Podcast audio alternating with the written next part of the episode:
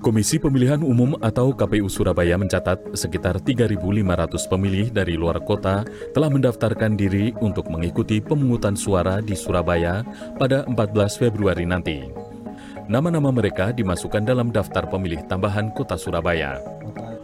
Untuk berpindah tempat memilih, pemilih bisa datang langsung ke panitia pemungutan suara di kelurahan atau panitia pemilihan kecamatan atau datang langsung ke KPU Kabupaten Kota dengan membawa fotokopi KTP dan kartu keluarga serta dokumen pendukung mengenai alasan pindah memilih.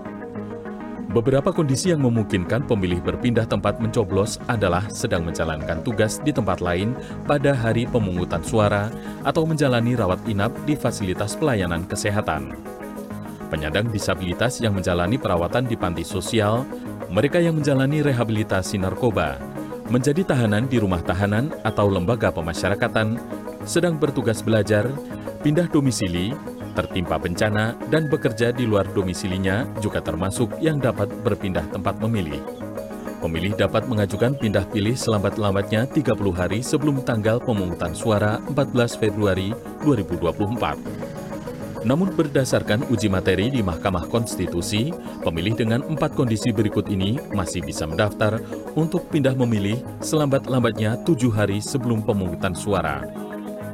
Berdasarkan judicial review di Mahkamah Konstitusi, eh, ada empat jenis kondisi tertentu yang boleh diurus paling lambat Hamin 7.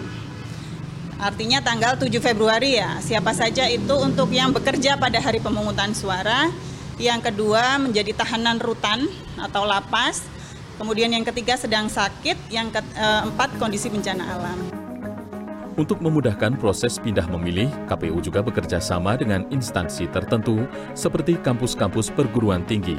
Di tempat-tempat ini, KPU menyediakan posko pindah pilih kalau untuk yang pindah pilih sendiri, sebenarnya kan setiap individu harus mengurus sendiri untuk ke KPU Kota Surabaya yang ada di Jalan Aditya Warman.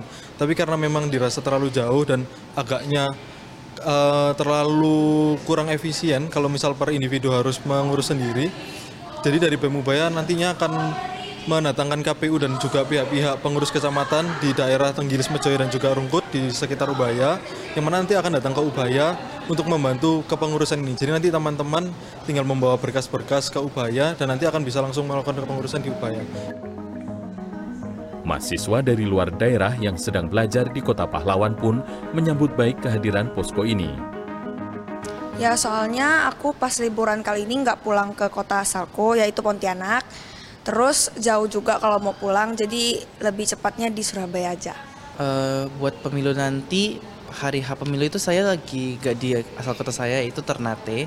Saya berada di Surabaya, jadi saya harus memindahkan tempat pemilih saya di sini, di Surabaya. Pemilih yang mengajukan pindah pilih akan mendapatkan surat suara sesuai dengan dokumen kependudukannya. Apabila pemilih berasal dari luar Jawa Timur, maka pemilih akan mendapat satu surat suara, yaitu pemilihan presiden. Pemilih yang berasal dari luar Surabaya tetapi masih Provinsi Jawa Timur akan mendapat dua kertas suara, yaitu pemilihan presiden dan DPD. Didin Iswandani, Surabaya, Jawa Timur.